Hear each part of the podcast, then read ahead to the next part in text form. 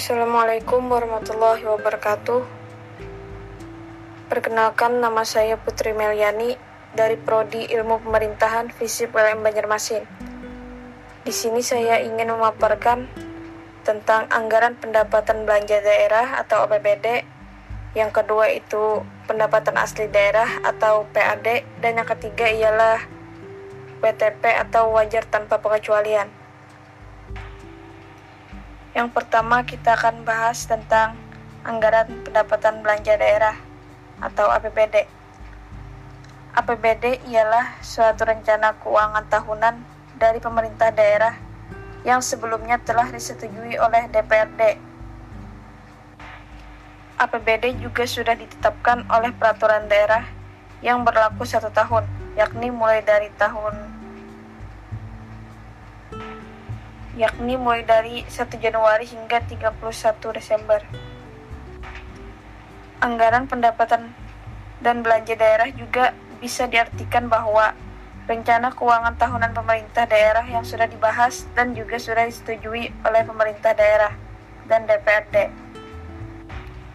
Rancangan APBD pun dibuat dengan menyesuaikan kebutuhan penyelenggaraan pemerintahnya dan juga kemampuan keuangan daerah. Adapun fungsi APBD yang pertama ialah fungsi otorisasi yaitu anggaran daerah akan dijadikan sebagai suatu dasar dalam menerapkan pendapatan dan belanja pada tahun berlangsung. Yang kedua ialah fungsi perencanaan yang berarti anggaran daerah dijadikan sebagai suatu pedoman dalam mengelola dan merencanakan berbagai kegiatan di tahun berlangsung. Yang ketiga ialah fungsi pengawasan yaitu anggaran daerah akan dijadikan sebagai tolak ukur untuk menilai kegagalan atau keberhasilan pemerintah daerah setempat dalam menyelenggarakan kegiatannya. Yang, ke yang keempat ialah fungsi alokasi, yang berarti anggaran daerah harus bisa diarahkan untuk bisa membuat lapangan pekerjaan, mengurangi angka pengangguran, dan mengurangi pemborosan dalam menggunakan sumber daya dan juga meningkatkan efektivitas dan efisiensi perekonomian daerah.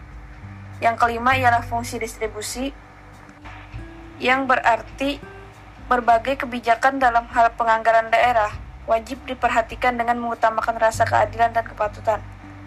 Dan yang terakhir ialah fungsi stabilitas. Fungsi stabilitas berarti anggaran daerah dijadikan sebagai alat dalam memelihara dan menjaga keseimbangan dasar perekonomian daerah terse tersebut. Beberapa tujuan dari APBD yang pertama ialah membantu pihak pemerintah daerah demi mencapai tujuan fiskalnya. Yang kedua, membantu meningkatkan koordinasi atau peraturan pada setiap bagian yang ada di lingkungan pemerintah daerah. Yang ketiga, membantu menciptakan dan juga mengadakan efisiensi serta keadilan atas penyediaan barang, jasa publik, dan hal umum lainnya. Yang keempat ialah membantu untuk menimbulkan prioritas belanja pemerintah daerah.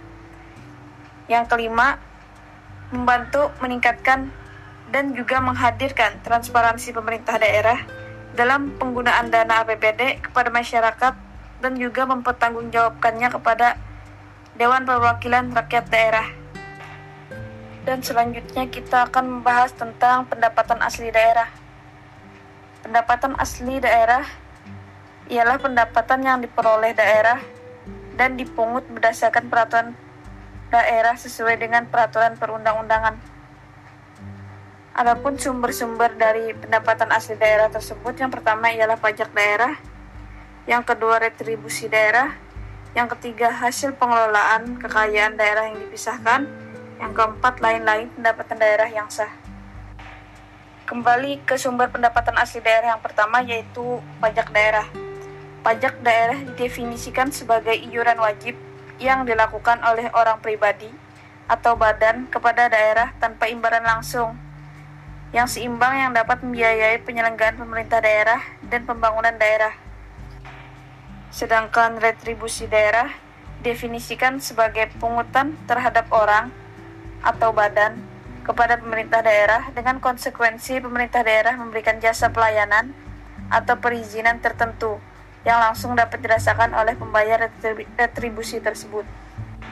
Dan maksud dari hasil perusahaan milik daerah dan hasil pengelolaan kekayaan milik daerah yang dipisahkan itu ialah penerimaan daerah ini berasal dari hasil perusahaan milik daerah dan pengelolaan kekayaan milik daerah yang dipisahkan. Perusahaan daerah adalah semua perusahaan yang didirikan dengan modal daerah, baik seluruhnya ataupun sebagian dengan tujuan dapat menciptakan lapangan pekerjaan atau mendorong perekonomian daerah dan merupakan cara yang efisien dalam melayani masyarakat dan untuk menghasilkan penerimaan daerah. Dan yang terakhir, lain-lain pendapatan asli daerah yang sah. Sebagaimana dimaksud pada ayat 1 huruf D, meliputi yang pertama hasil penjualan kekayaan daerah yang tidak dipisahkan, yang kedua jasa giro, yang ketiga pendapatan bunga, yang keempat, keuntungan selisih nilai tukar rupiah terhadap mata uang asing. Dan yang kelima ialah komisi, potongan ataupun bentuk lain sebagai akibat dari penjualan atau pengadaan barang dan jasa oleh daerah. Dan kita akan lanjut ke pembahasan yang terakhir yaitu wajar tanpa pengecualian atau WTP. Wajar tanpa pengecualian adalah opini terbaik yang bisa didapatkan oleh perusahaan setelah diaudit oleh kantor akuntan publik atau KAP. Opini ini berarti laporan keuangan yang disusun oleh manajemen perusahaan tersebut sudah sesuai dengan pedoman atau standar akuntansi keuangan yang berlaku di negara tersebut. Dan telah kita ketahui di Kota Banjarbaru telah menerima opini wajar tanpa pengecualian sebanyak lima kali berturut-turut mulai dari tahun 2015 sampai tahun 2020. Wali Kota Banjarbaru menyatakan bahwa perencanaan pembangunan dan manajemen keuangan kita tepat sasaran untuk menyentuh dan mensejahterakan masyarakat Banjarbaru. Sekian dari saya, jika ada salah kata mohon dimaafkan dan diberikan saran. Wassalamualaikum warahmatullahi wabarakatuh.